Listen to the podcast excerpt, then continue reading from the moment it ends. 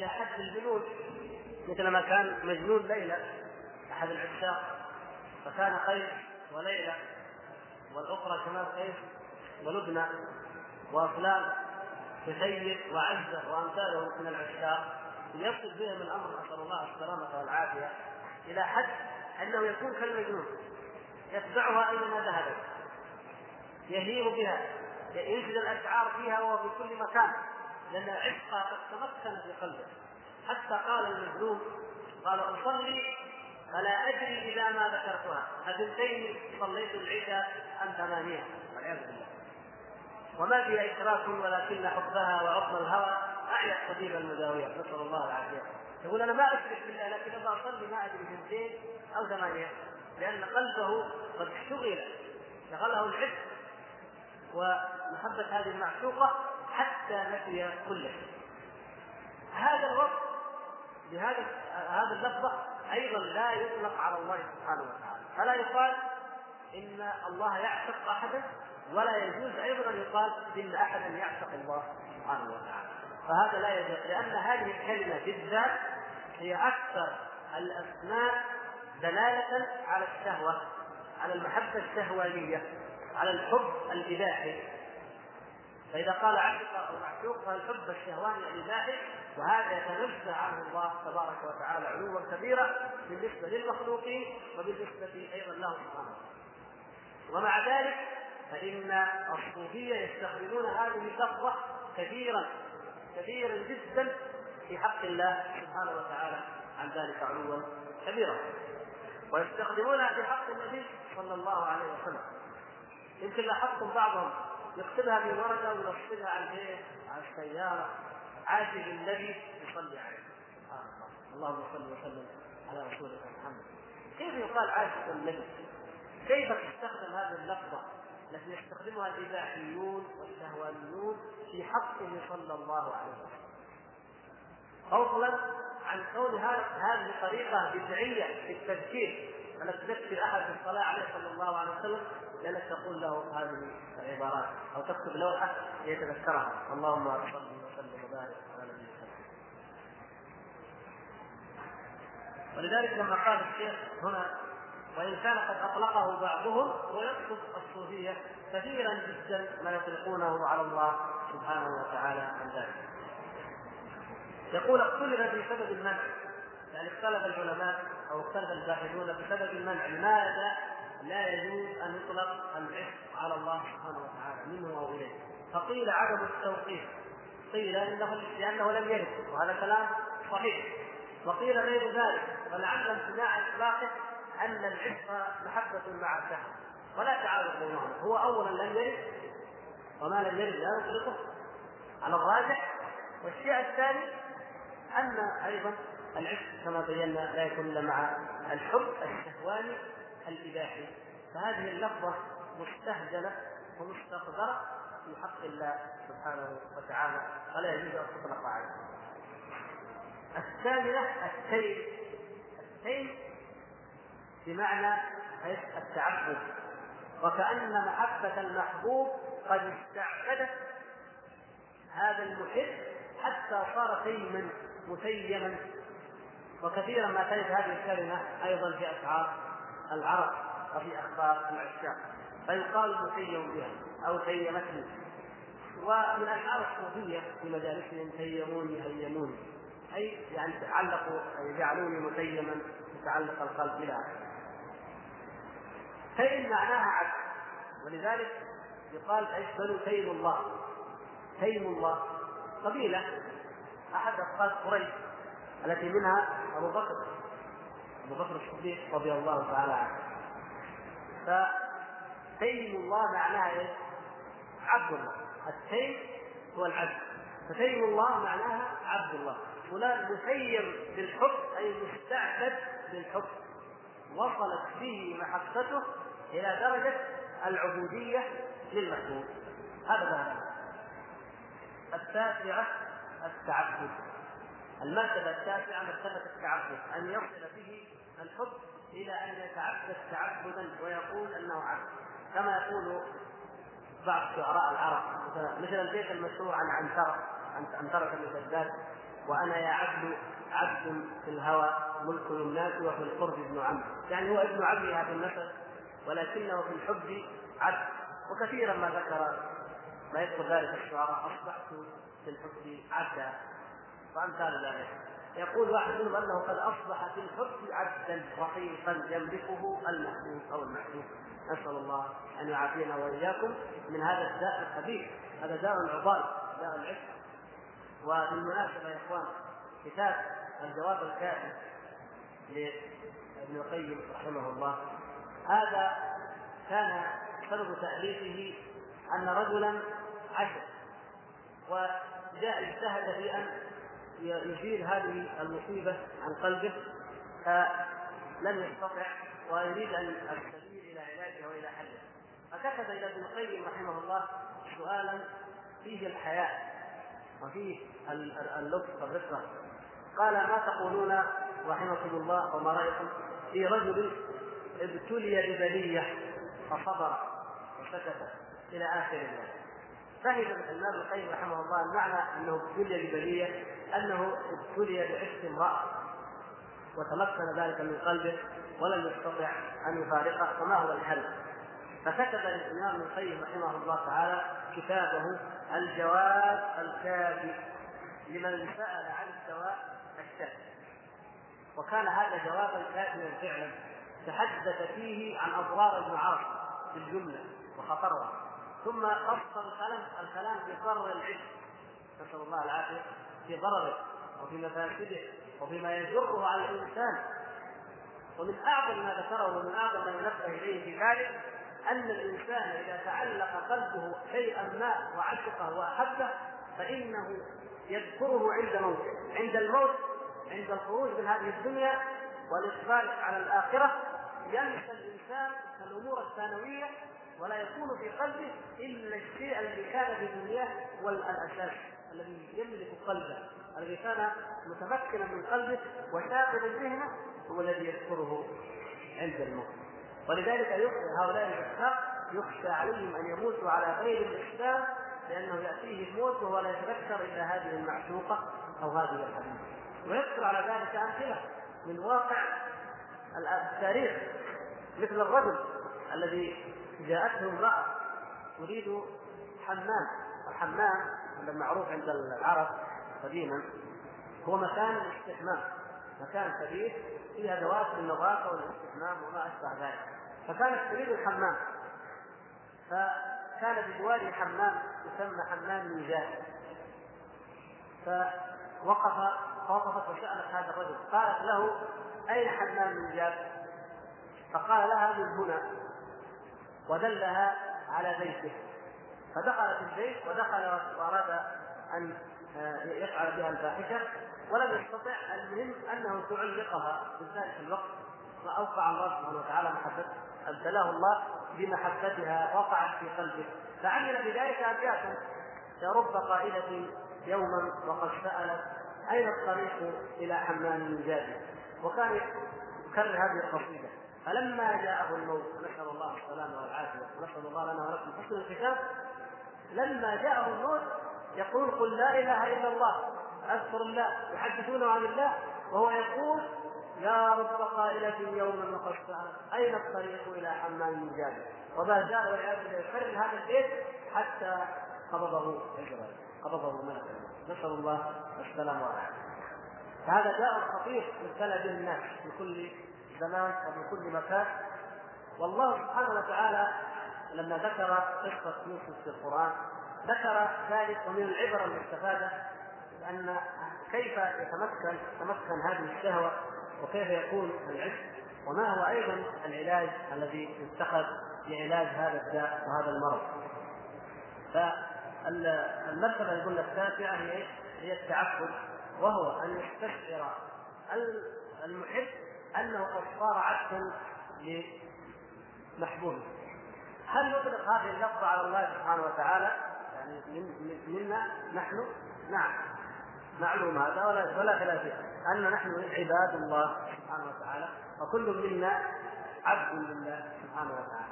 لكن كما تعلمون ولا خلاف في ذلك لا يطلق على محبة الله لنا أنه تعبدنا أن محبتنا تعددته تعالى وجل شأنه عن ذلك. المرتبة العاشرة الخلة الخلة. وهذه هي التي من أجلها جئنا بهذه المراتب. لنصل إلى إيش؟ إلى أعلى درجات المحبة وهي الخلة. الخلة هي أعلى ما يتصور من درجات المحبة. حتى بكلام العرب يقول الشاعر قد تخللت مسلك الروح مني ولذا سمي الخليل خليلا أي الذي تخللت محبته القلب ومسالك القلب ومسالك الروح هذا يسمى خليلا هذا في كلام العرب. فبالنسبة لله سبحانه وتعالى خلته النبي صلى الله عليه وسلم أو إبراهيم عليه السلام. عندما قالوا عندما قال النبي صلى الله عليه وسلم إيه، لو كنت متخذا خليلا لاتخذت أبا بكر خليلا. فاذا هو قد اتخذ خليلا من؟ الله سبحانه وتعالى. فمحبة الله قد تخللت مسالك الروح منه صلى الله عليه وسلم. ولم لا يزاحمه أحد من المخلوقين على الإطلاق. وكذلك بالنسبة لله سبحانه وتعالى الله تعالى يحبه محبة لا يحبها أحدا من العالمين. يحب إبراهيم ويحب محمد صلى الله عليه وسلم محبة لا يحبها غيرهم من الناس. وإنما التخلل أو المعنى اللغوي والتخلل لا يكون إلا في حق المخلوقين ليس في حقه سبحانه وتعالى. هذه الصفات أو هذه المراتب العشر وكما يقول الشارع أنه قد قيل فيها غير ذلك. قد قيل أنها من باب المترادفات وقيل إن لها ترتيبا آخر لكن هذا الترتيب من أفضل أنواع الترتيب ومن تأمله من تأمله وجد أنه من أحسن ما ذكر في الترتيب. نعم. السيد نعم هو معناه التعبد. مثله فسيد الله يعني عبد الله. ما تطلق لا على لا منا ولا منا يعني ما جاءت اننا نقول تيمت تيمت محبة الله تيمتني لا. ولا جاء أيضا أن الله سبحانه وتعالى يحب أو يتسيم بغيره. هذه من الألفاظ التي لم تاتي ولذلك الشارح هنا ذكر يعني لخص ذلك. يقول واعلم أن وصف الله تعالى بالمحبه والخلة هو كما يليق بجلال الله تعالى وعظمته كسائر صفاته. كسائر صفاته تعالى. نثبت له أنه يحب. نثبت له الخلة أنه اتخذ إبراهيم خليلا ومحمد صلى الله عليه وسلم خليلا. لكن خلته تعالى ومحبته تعالى تليق بجلاله. لا تشبه خلة المخلوقين ولا محبة المخلوقين. قال وإنما يوصف الله تعالى من هذه الأنواع الله تعالى يوصف بأربعة أنواع فقط. من هذه العشرة يوصف الله تبارك وتعالى بأربعة. بالإرادة. بالإرادة. وبالود. وبالمحبة. وبالخلة. الإرادة جاءت كما ذكرنا في مبحث الإرادة الأسباب والله يريد أن يتوب عليكم. بمعنى يحب ذلك. فالإرادة تأتي بمعنى يعني هذه المرتبة من مراتب المحبة التي هي الإرادة تأتي ورد النص فيها في حق الله تبارك وتعالى. ورد الود إن الذين آمنوا وعملوا الصالحات سيجعل لهم الرحمن ودا. والمحبة إن الله يحب التوابين ويحب المتطهرين. والخلة إن الله اتخذني خليلا كما اتخذ إبراهيم خليلا. هذه الأربع فقط هي التي يوصف بها الله سبحانه وتعالى. وبعد ذلك الستة الباقية لا يوصف بها الله سبحانه وتعالى مثل الغرام والصبابة والعشق والتسيب والشغف والعلاقة. بقي قضية يحسن بنا أن نأخذها قضية الإعلام وهي قوله المؤلف رحمه الله اختلف في تحديد المحبة على أقوال نحو ثلاثين قولا. تحديد مع التحديد معناه إيش؟ التعريف ما هي المحبة؟ عرف المحبة فاختلفوا المتكلمون اختلفوا عرف المحبة واحد يقول إيش؟ تعلق القلب كذا كذا كذا، واحد يقول ميل القلب وإرادته الشيء، واحد يقول واحد إلى أن جاءون القلب بثلاثين تعريف. وكلها لا فائدة فيها. لماذا؟ لأنك توضيح الواضح من المشكلات. المحبة أوضح من أننا نعرفها. الطفل الصغير جدا تقول له تحبني؟ أو تحب كذا؟ يقول لك أيوه. يعرف إيش معنى المحبة. فما في داعي أن نقول لابد ان نعرف المحبة. ونضع لها حد منطقي. وهذا الحد يكون جامع مانع. لا يدخل عليه اعتراف ولا شيء واضح. لا يحتاج إلى أن يعرف. المحبة واضحة. وهذا هذا الباب أو هذه القضية من القضايا التي نعرف فيها نحن أهل السنة والجماعة بطلان علم المنطق بطلان ما يسمى المنطق وننقض بها هذا الذي يسمونه المنطق. لأنهم يقولون المناطق أن الأشياء لا تدرك حقائقها إلا بالحدود. التصور كما يقول لا تتصور أي شيء لا ينال التصور إلا بالحد. فلا بد أن تضع حد. على الطريقة المنطقية تعرف تعريف ثم هذا التعريف به تعرف الشيء وتميز الشيء عن غيره وإلا بغير ذلك لا نعرف تعريفه فرد عليهم شيخ الإسلام ابن رحمه الله فرد على المبتدئين بل رد عليهم جميع العقلاء لأن الناس يدركون حقائق الأشياء ويعرفونها من غير تعريف. النحويون النحويون لما أرادوا ما هو الاسم ما هو الفعل؟ كانوا يعرفون الأشياء تعريف بسيط الفعل مثل ضرب والاسم مثل زيد والحرف مثل أ أو في أو باء. لما جو المتكلمون لما دخل منطق العلم النحو عرفوا الاسم بأكثر من 70 تعريف كل هذا الشيء يعني تضع حد منطقي جامع مانع عقلي ما هذا. هذا شيء. أيضا النحويون النحويون والفقهاء تكلموا في الصلاة وتكلموا في الطهارة وتكلموا في النحوي تكلموا في الفاعل والمفعول جميع أبواب النحو. قبل أن يتاثروا بعلم المنطق واستخدموه وعرفوه ولم يتوقف معرفتهم للشيء على علم المنطق. يقول لك عرف لي الزكاة. إيش الزكاة؟ يقول لك إخراج مال مخصوص. في وقت مخصوص بطائفة مخصوصة. سمى شيء؟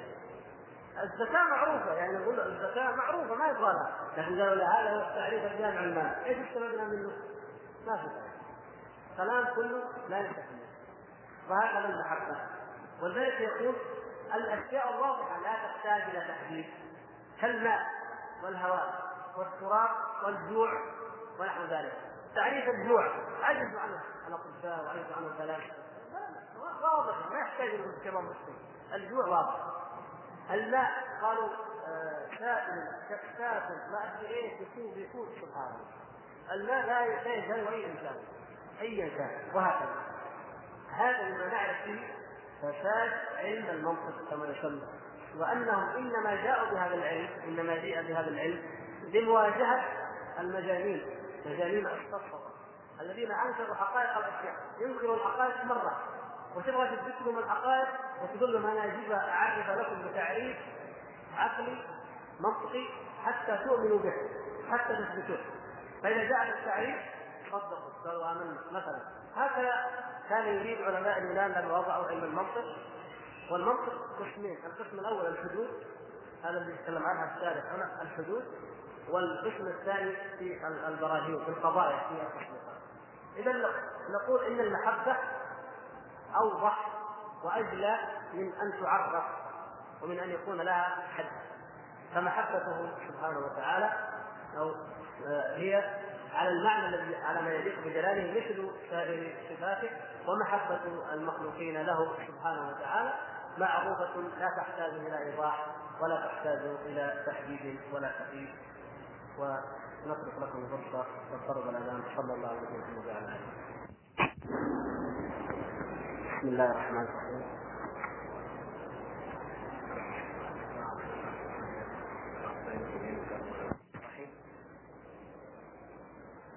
ننبه الإخوة لأنه خلاصة ما قلنا أن المحبة الجهمية أنكروا أن الله تعالى يحب أو يحب. وبعض الصوفية هم الذين قالوا إن الله تعالى اتخذ محمدا صلى الله عليه وسلم حبيب له حبيبا له فمحمد حبيب الله وإبراهيم خليل الله فالحب أعظم من الخلة. ان أقول لأن بعض الإخوان فهم خطأ أو لعل اللسان زل فكان الكلام خطأ. فالمذهبين يعني كررناها أكثر من مرة وإن شاء الله واضحه لديكم حبينا زيادة في ذلك.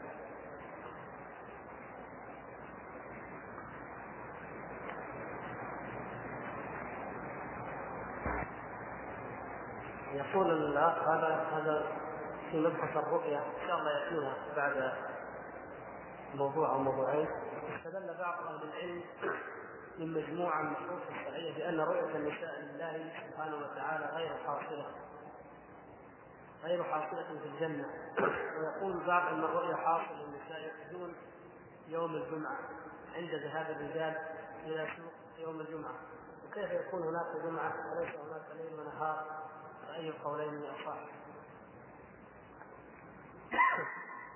السؤال الآخر هل الجن يدخلون الجنة أم لا؟ بالنسبة لدخول رؤية النساء لله سبحانه وتعالى ليس هناك ما يمنعها. لم يرد أي نص فيما أعلم يقيد ويحصر الرؤيه في الرجال. الذي يقول إن النساء لا يرين الله سبحانه وتعالى عليه الدليل هو الذي عليه الدليل. فالله سبحانه وتعالى لن ولن يأتي في كتابه ما يدل على هذا التخصيص ولا أيضا في سنة النبي صلى الله عليه وسلم بل جاء اقتران المؤمنات بالمؤمنين يوم القيامة. والمنافقون هم الذين ينفصلون عن المؤمنين والمؤمنون أيضا إذا اطلقوا فإنه يدخل فيهم الإناث مع الذكور وأما بالنسبة لأيام الآخرة كون ما في ليل ولا نهار ومع ذلك يوجد أيام.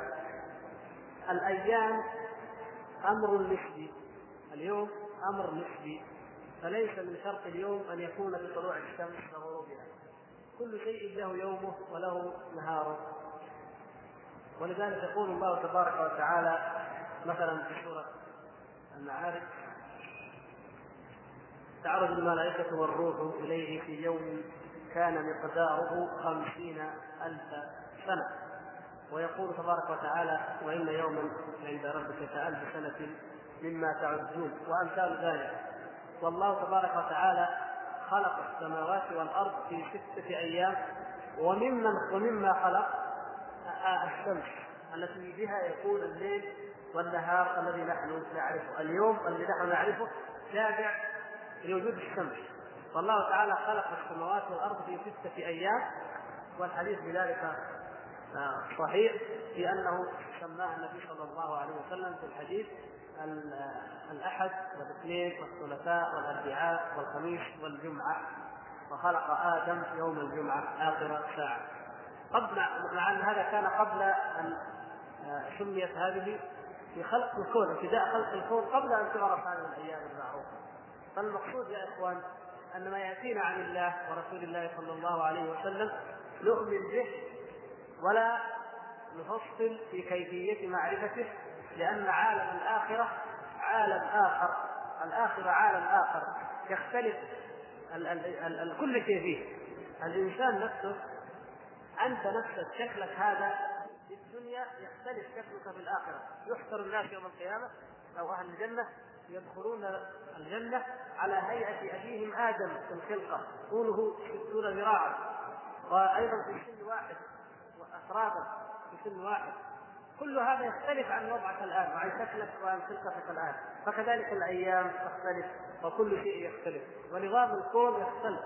الشمس تكور تلفف وينهك ضيائها وكذلك القمر وخسف جمع الشمس والقمر وتجمع فتتغير يكون لك انقلاب كوني تختلف فيه الأمور. ومع ذلك كل حقيقة جاءت في الكتاب والسنة نؤمن بها. نؤمن بها ونكل علمها إلى الله سبحانه وتعالى.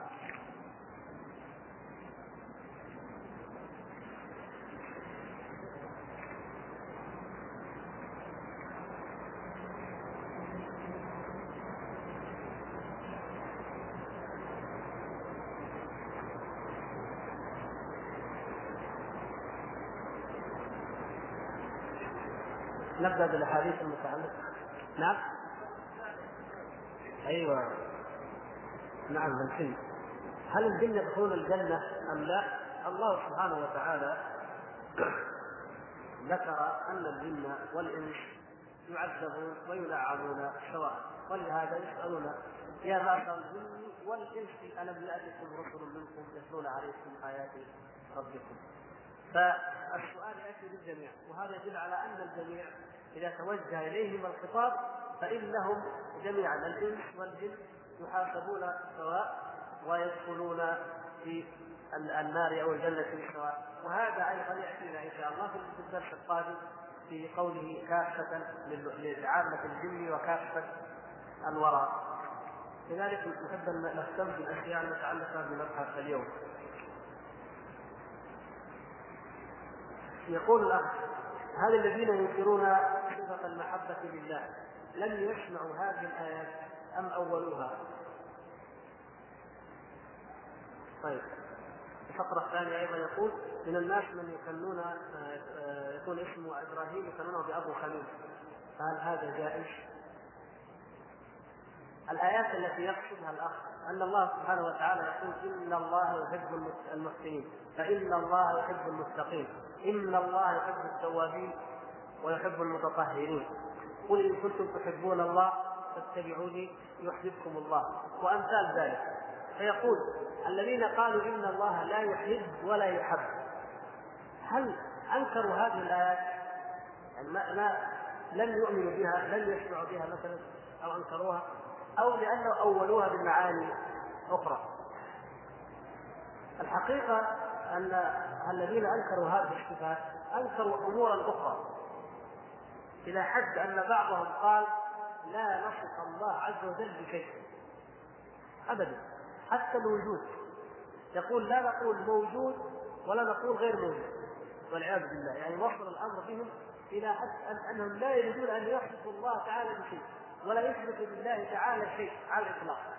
فلهذا لا نستغرب ان هذه الآيات تمر عليهم ومع ذلك لا يعملون بمقتضاها هم ينكرون كل الصفات التي جاءت في القرآن وفي السنة فهم لا يعتمدون على القرآن لا يعتمدون في دينهم على القرآن وإنما يعتمدون على فلسفة اليونان وكلام اليونان. ولذلك ذكرت أنه ليس لهم شبهة من أي دليل لا من الكتاب ولا من السنة ولا حتى من العقل وإنما هي مقولة. من مقولات اليونان نقلوها إلى دين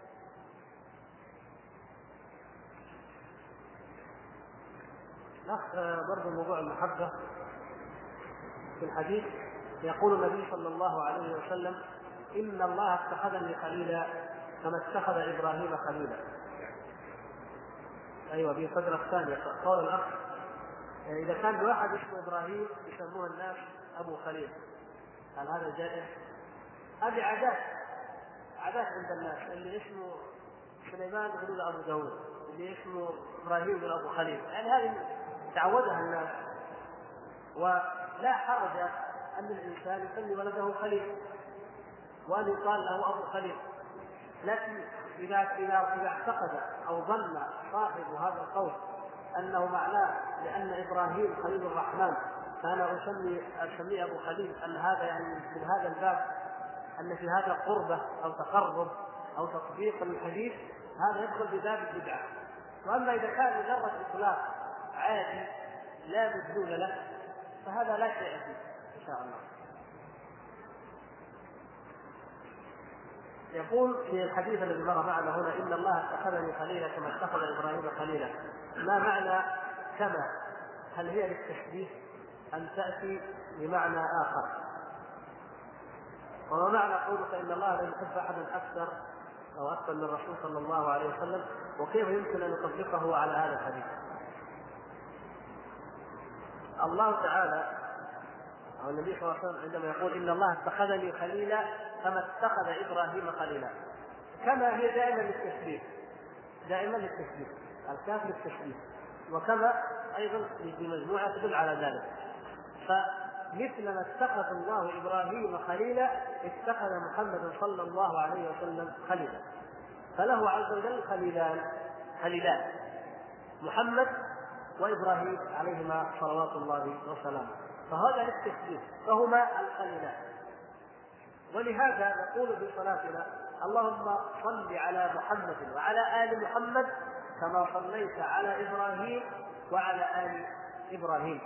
فهذا أيضا مثل هذا لأن الله تبارك وتعالى اصطفى إبراهيم عليه السلام على العالمين في زمانه بأن جعله اماما للناس. واذ ابتلى إبراهيم ربه بكلمات قال إني جاعلك للناس إماما. واذ ابتلى إبراهيم ربه بكلمات فأتمهن. قال إني جاعلك للناس إماما. قال ومن ذريتي. قال لا ينال عهد الظالمين. فجعله الله إماما للناس. ومما فضله الله تعالى به أنه جعل النبوة في ذريته. فمحمد صلى الله عليه وسلم هو أفضل خلق الله. كما مر معنا أفضل خلق الله هو محمد صلى الله عليه وسلم. فشرف أيضا وفضل لإبراهيم عليه السلام أن يكون أفضل الخلق من ذريته. فمع كونه صلى الله عليه وسلم هو أفضل الخلق فإن مما يفضل أيضا به ومما يشرف به إبراهيم عليه السلام أن يكون من ذريته. ولهذا فإنه يقول نقول اللهم صل على محمد وعلى آل محمد كما صليت على إبراهيم. المعيار لدينا. ما كان من كلام رافع حق. فنحن نؤمن به. لأن لدينا المعيار كتاب الله وسنة رسول الله صلى الله عليه وسلم. وأما الباطل فنرده. ولا شأن لنا به. كائنا من كان قائلا فقوله قول رابعة أحبك حبين حب الهوى. حب الهوى. الله عز وجل يهوى حب الهوى. كيف كيف يحب حب الهوى؟ سبحانه وتعالى حتى لو كان الحب حقيقيا وصادقا يعني لو كان لو جاء شاعر مسلم مؤمن موحد ويحب الله عز وجل محبة حقيقية صادقة وقال أنا أهواك يا رب. قلنا له اتق الله. أخطأت في العبارة يا أخي. عدل العبارة بعبارة شرعية.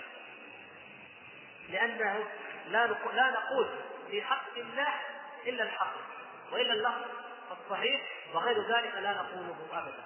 هذا ما تقول رابعا. فأما الذي أنت أهل له فشغلي بذكرك عمن سواك وأما الذي هو حب الهوى فكشفك للحجج حتى أراك. سبحان الله. هل يمكن أن يكشف الله عز وجل الحجب لأحد في الدنيا حتى يراه؟ إن كان المقصود كشف الحجاب في الآخرة رؤية الله عز وجل في الآخرة فطريق العبادة في الآخرة هو ما شرعه لنا محمد صلى الله عليه وسلم. طريق طريق العبادة نعبد الله به في الدنيا لنراه جل شأنه في الآخرة.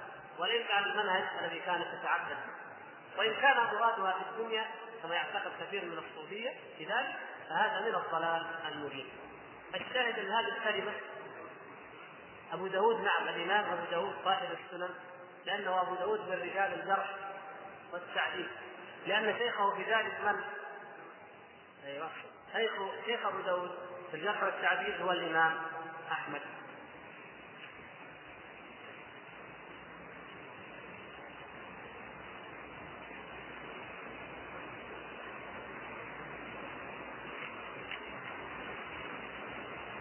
هل يجوز قول المرحوم فلان أو رحمه الله أو رحم الله فلان أيها أصح؟ الصحيح أنك تقول رحمه الله ورحم الله فلان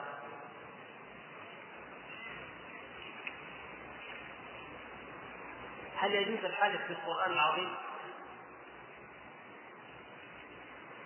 وهل يجوز القول يا حبيبي يا رسول الله الحلف بالقرآن العظيم جائز لأن القرآن كلام الله ومن صفات الله. ومعنى جائز كما سبق أن قلنا أنك لو فعلته لا إثم عليك تحلف به. لكن بعض الإخوان قد يفهم من هذا أنه مشروع يعني أنك يسن لك أن تحلف بالقرآن. ما هو هذا المقصود؟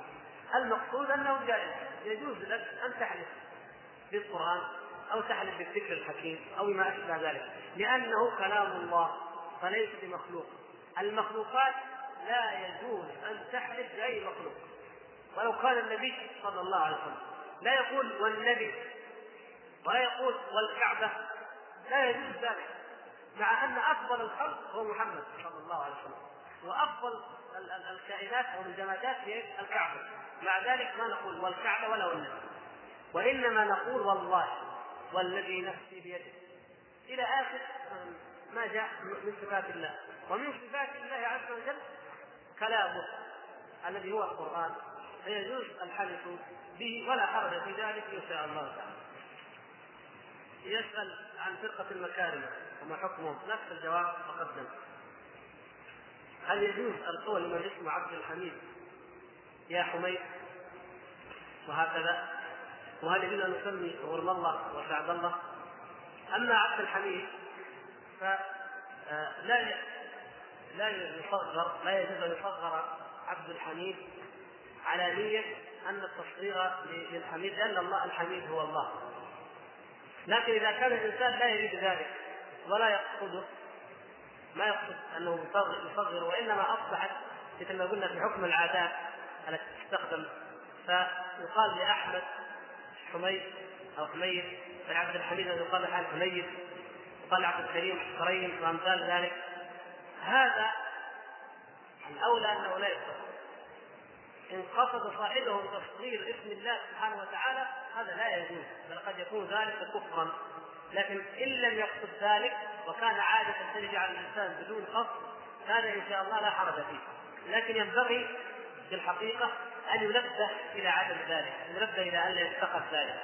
وهذا مع الأسف شيء رايج رايج جدا عند كثير من الناس دائما يصغرون.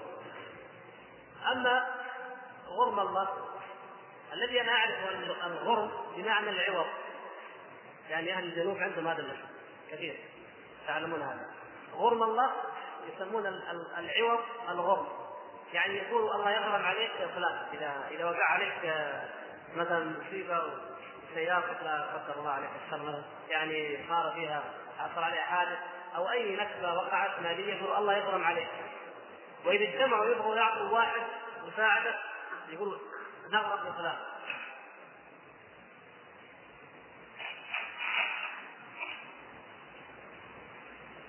يقول نغرم لفلان يعني نجمع له مبلغ من المال ونعطيه إياه. فالغرب عندهم بمعنى العوض الذي أنا أذكره وأعرفه. ولا شيء في ذلك لا شيء في إضافته إلى الله سبحانه وتعالى بهذا المعنى. وهم لا يقصدون الغرم من الغرام إن عذابها كان غراما امثال ذلك هم لا يقصدون ذلك. على كل حال الإضافة إلى الله سبحانه وتعالى قد تكون لها اختصاص أو لها تشريف وقد تكون لمجرد أنه من خلق الله. كما نقول الجبل جبل الله يعني خلقه الله نضيف إليه. وإذا قلنا الكعبة بيت الله هذا للتشريف ناقه الله هذا للتشريف وهكذا. فالإضافات تختلف. آه سعد الله أيضا ما في شيء. ان السعد هو التوفيق.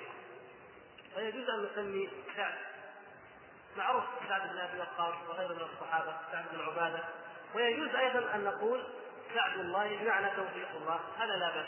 يعني من الإضافة إلى الله سبحانه وتعالى. ما دام الاسم نفسه ما في معنى آه سيء فلا بأس أن يضاف إلى الله فالكل خلق الله يصح أن يضاف إليه بهذه المعاني. إذا لم يكن هناك محظور ورب الكعبة؟ نعم. حلف بربها ولم يحلف بها.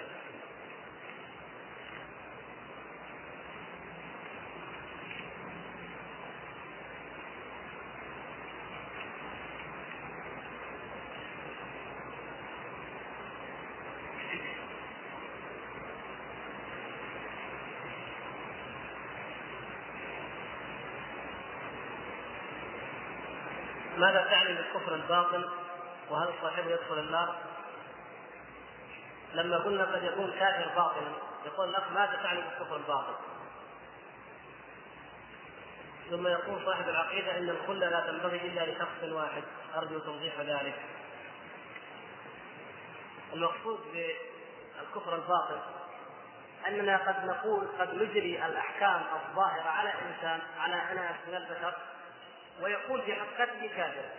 النبي صلى الله عليه وسلم أنزل الله تبارك وتعالى عليه آيات في حكم المنافقين في أحكامهم. قال آه، لا تعلمهم نحن نحن نعلمهم. وممن حولكم من الاعراب منافقون ومن أهل المدينة مرضوا على النفاق. وهذه الآيات التي نزلت في سورة التوبة من آخر ما نزل عن النبي صلى الله عليه وسلم وقبل ذلك كان النبي صلى الله عليه وسلم يعادل كل من أظهر الإسلام معاملة المسلم بينما هو في الحقيقة في الباطن قد يكون منافق. لما مات كبير المنافقين عبد الله بن سبأ أراد النبي صلى الله عليه وسلم أن يصلي عليه بدر المسلمين لأنه كان مع المسلمين في الغزوات وفي الصلوات في كثير من الأمور الظاهرة. ولكن الله سبحانه وتعالى أنزل عليه ولا تصلي على أحد منهم مات أبدا ولا تقم على قبره. فلم يقف النبي صلى الله عليه وسلم على قبره ولم يصلي عليه. فإذا النبي صلى الله عليه وسلم كان يعامل المنافقين في الظاهر معاملة المؤمنين المسلمين ولكن هم في الباطن كفار. فإذا كان قصد الأخ هل يدخلون النار؟ نعم. الكافر من كان كافرا في الباطن يدخل النار. لأن الله سبحانه وتعالى حرم عليهم الجنة. وقال النبي صلى الله عليه وسلم إنه لن لن يدخل الجنة إلا نفس مؤمنة. وأما في الدنيا فقد نجري أحكام الإسلام الظاهرة ونكلهم إلى الله. كما قال صلى الله عليه وسلم أمرت أن أقاتل الناس حتى يشهدوا أن لا إله إلا الله. وأن محمدا رسول الله ويقيموا الصلاة ويؤتوا الزكاة. فاذا فعلوا ذلك؟ عصموا مني دماءهم وأموالهم. إلا بحق الإسلام وحسابهم على الله. حسابهم على الله. قد يكونوا كفارا في الباطن في قلوبهم لكن حسابهم على الله. ولهذا قال اسامه لما قاتل الرجل قال اشققت عن قلبك؟ ما ندري. ما نشق عن القلوب. قال لا إله إلا الله. نعتبره مسلم إذا ارتد عندئذ يحاسب على انه مرتد وهكذا.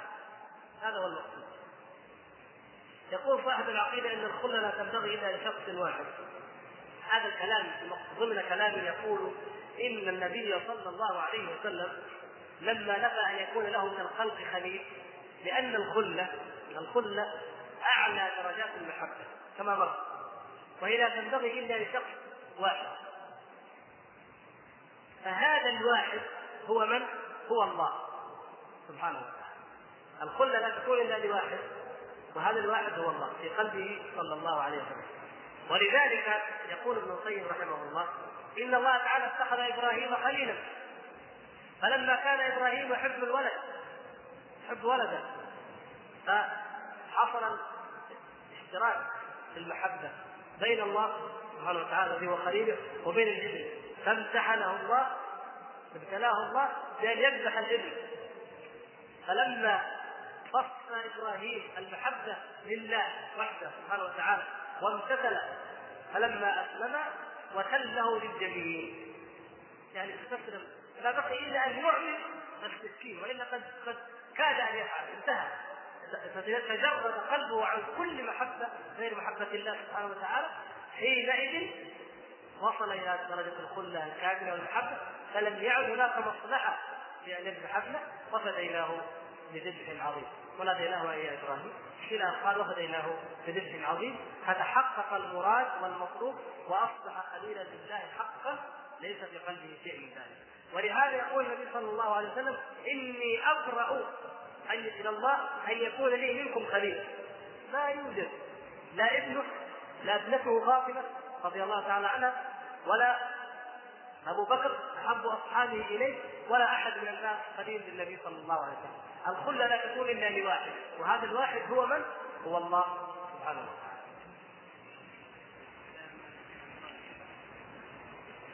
زعيم المنافقين عبد الله بن أبي نقول عبد الله بن سبأ هذا من كثر ما يتردد صرنا المستعمل على كل حال زعيم المنافقين. في عهد النبي صلى الله عليه وسلم هو عبد الله بن أبي بن سلول.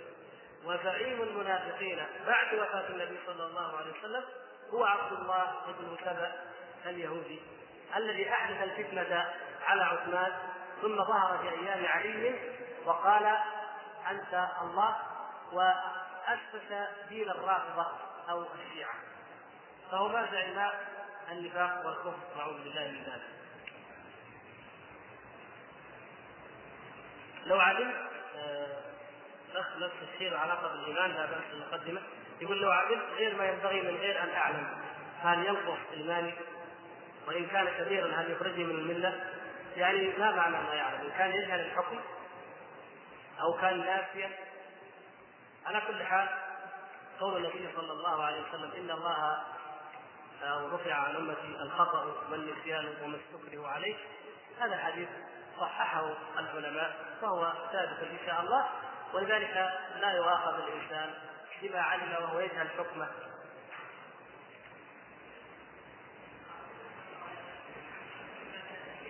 اكتب اكتب اكتب. أنا ظننتك صاحب هذه الورقة وإلا أكتب. أعطيك ولدك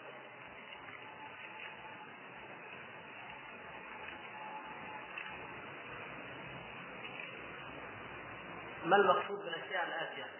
الكفر نوعان عملي واعتقادي، الإيمان عملي واعتقادي، النفاق عملي واعتقادي.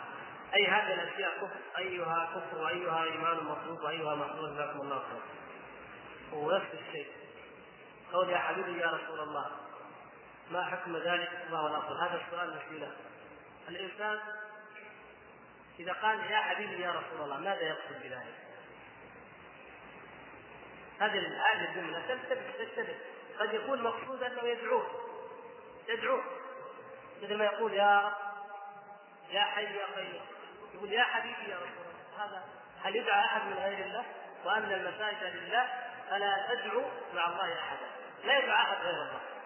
ولا يجوز دعاءه وإن كان النبي صلى الله عليه وسلم. وإن كان المقصود أن يقول حبيبي رسول الله صلى الله عليه وسلم وهذه الرياء مجرد أن يقول يا حبيب يعني ليست بالنداء فهذا لا يدخل في الشرك لكن لا ينبغي له أن يستعمل هذه هذه الأداة لأنها توهم بأنه يدعو. فيقول رسول الله صلى الله عليه وسلم يحب رسول الله. المحبة يا إخوان حقيقة قلبية وليست كلام لفظي ليست كلاما لفظيا. الواحد يقول يا حبيبي يا رسول الله يا أخي هذا الكلام؟ قال أنا أحب الرسول، أنا أحبه، أنا ميت في حبه. ما ما هكذا محبة الرسول صلى الله عليه وسلم. محبة الرسول صلى الله عليه وسلم حقيقة في القلب حقيقة في القلب تحمل صاحبها على تعبيره وتوقيره وتعظيمه صلى الله عليه وسلم واتباع أمره واجتناب نواهيه والوقوف عند سنته صلى الله عليه وسلم وما أمر به والانتهاء عما نهى عنه وكما سأل الاخ هذا الذي سأل وتركنا لعله من أول الأسئلة. لما يقول يحشر المرء مع من أحب. الله خير. ذكرنا هذه القضية. يحشر المرء مع من أحب. إذا كنت تحب الرسول صلى الله عليه وسلم وتحب أبا بكر وعمر فأن تحشر معهم محبة الرسول صلى الله عليه وسلم تكون بمتابعته صلى الله عليه وسلم مقتضاها متابعة. يمتلئ القلب من حبه فيظهر أثر ذلك مقتضى ذلك متابعه متابعته وطاعته والتزام سنته ومحبة أصحابه صلى الله عليه وسلم ومحبة ما أحب وبغض ما أبغض. فلذلك يحشر الإنسان معه ولهذا يقول أنس رضي الله تعالى عنه في هذا الحديث إنه من أرجى أرجى شيء كان الصحابة رضي الله تعالى عنهم يرجونه. لأنهم يحبون رسول الله صلى الله عليه وسلم ويحبون أبا بكر وعمر ويرجون أن يحشروا معه. الأخ هذا يقول يحشر المرء مع من هل يقصد الحب الكلي؟ نسأل الله السلامة بعض الناس يحبون مغني أو ممثل أو نحو ذلك. الحب الكلي يعني كل من أحبب من غلب من غلبت محبته قلبك تحشر معه. اللي يحب المغني يحشر مع المغنيين اللي يحب الممثل مع الممثلين. يعني مثلا رخيصة ألا إن سلعة الله غالية ألا إن سلعة الله الجنة سبحان الله. واحد يحب الممثلين حياته كلها ويحشر مع أبو بكر وعمر. كيف هذا؟ سبحان الله. الواحد منا ما ما يحكم بهذا الشيء. فكيف يحكم فيها الله سبحانه أحكم الحاكمين. يحكم بهذا الشيء؟ حتى نحن ما نرضاه ما نحكم به. فكيف يحكم؟ فالمرء يحشر مع من أحب. من كان يحب الأتقياء المؤمنين حشر مع المتقين. ولذلك الأخلاء يومئذ بعضهم لبعض عدو إلا المتقين إلا المتقين الذين جمعتهم محبة الله سبحانه وتعالى والخله في في الله في ذات الله عز وجل هؤلاء لا يتعادون. أما الآخرون فإنه لما اطلع قال اني كان لي قريب فيطلع يتساءلان ويتخاصمان. ولذلك يقول الله تعالى إن ذلك لحق تخاصم أهل النار يختصمون. هذا يقول أغويتونا هذا يقول أنتم صددتمونا المستكبرين الكبراء يقولوا الضعفاء يقولوا للمستكبرين أنتم الذين صددتمونا عن الهدى ولم تبينوا لنا وفعلتم فعلتم الضعفاء يقول بل نقر الليل والنهار إذ تصدون عن سبيل الله. وهكذا. يعني الآيات كثيرة منها ما هو مذكور في سورة البقرة وفي الأعراف وفي آه، غير ذلك من السور. لا تخفى عليكم. المقصود أن كل من كان اجتماعهم ومحبتهم في غير ذات الله عز وجل وعلى غير تقوى الله فإنهم أعداء وخصماء يوم القيامة يختصمون في النار أو يختصمون في المحشر. أما المؤمنون فإنهم أحبة. فذلك بلال رضي الله تعالى عنه لما جاءه الموت كان فرحا مسرورا يقول غدا نلقى الأحبة محمدا وصحبه. كان يحب الرسول صلى الله عليه وسلم وذلك يطمع يلقاه لكن من كان مخالفا لسنته ومهتديا بغير هديه فكيف يطمع أن يؤثر معه؟ قوله صلى الله عليه وسلم من تشبه بقوم فهو منهم. الأخ الذي سال عن كفر الاعتقادي والعملي هذا لا يحتمل المقام الآن فلا يؤاخذنا من تشبه بقوم فهو منهم. ما معنى ذلك؟ واضرب أمثلة على التشبه المنهي عنه. من تشبه بقوم فهو منهم. هذا قاله النبي صلى الله عليه وسلم.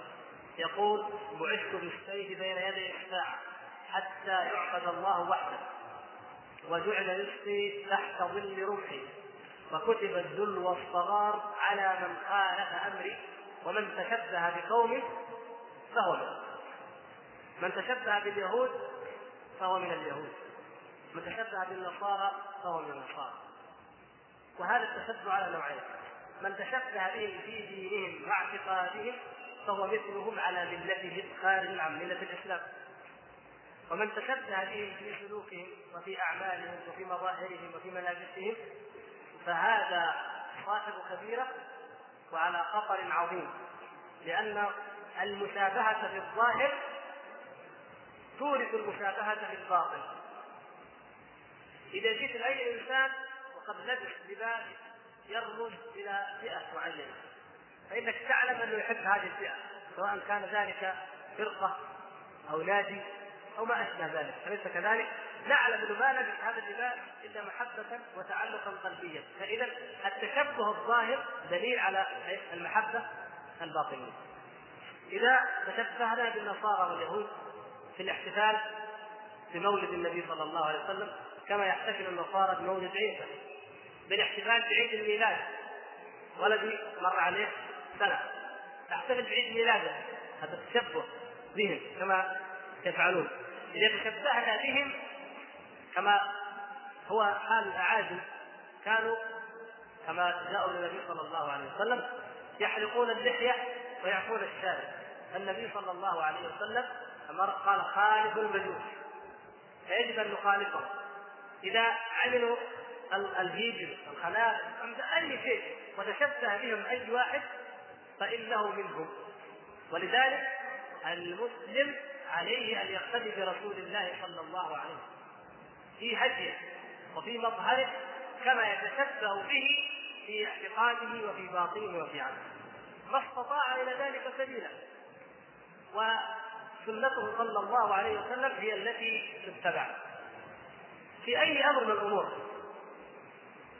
في النساء الان النساء المسلمين الآن. تركنا اللباس الشرعي المحتشم الذي لا شرط فيه إلا أن يكون فضفاضا محتشما سابقا لا يرى منها شيء ويلحسن وراء الموضات.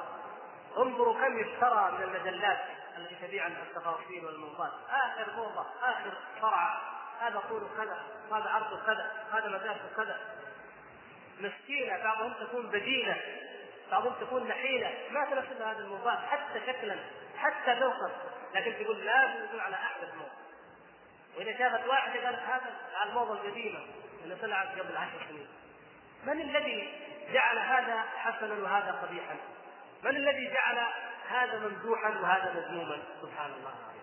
اتباع الأهواء لما تشبه بأعداء الله أصبحت المرأة المسلمة لا تنظر إلى ما كان يفعله صحابيات النبي صلى الله عليه وسلم.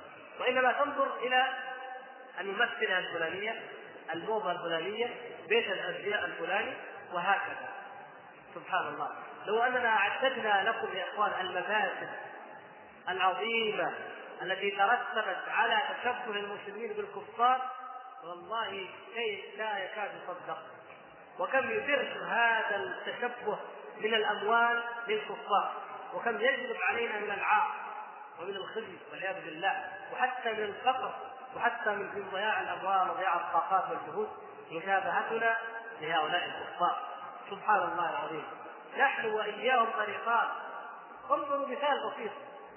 إذا في فريقين يلعبوا كورة. معقول يكون لون الملابس واحدة؟ معقول؟ ما يمكن. فريقين. لازم هذول لون هذول لون عشان ما يختلطوا سبحان الله. نحن واياهم والله في معركه في معركه مستمرة ونحن على دين وهم على دين كيف نكون مثلهم؟ كيف نتساوى إحنا واياهم؟ بعض الإدارات الحكومية وخاصة في كثير من بلدان العالم الإسلامي تدخل والله لا تعرف المسلم من الكافر. في أي ما ما الذي تفرق؟ ما في فرق. أيضا تجد انه بعض البلاد يقال لك هذه فيها 40% مسلمين 60% 80 تذهب إليها ما تجد أي فرق إلا إن كان كتب واحد مكتوب محمد وواحد جرج. بس. ولا جرج ومحمد سواء في كل شيء. نسأل الله السلامة والعافية. غفر الله لنا ولكم.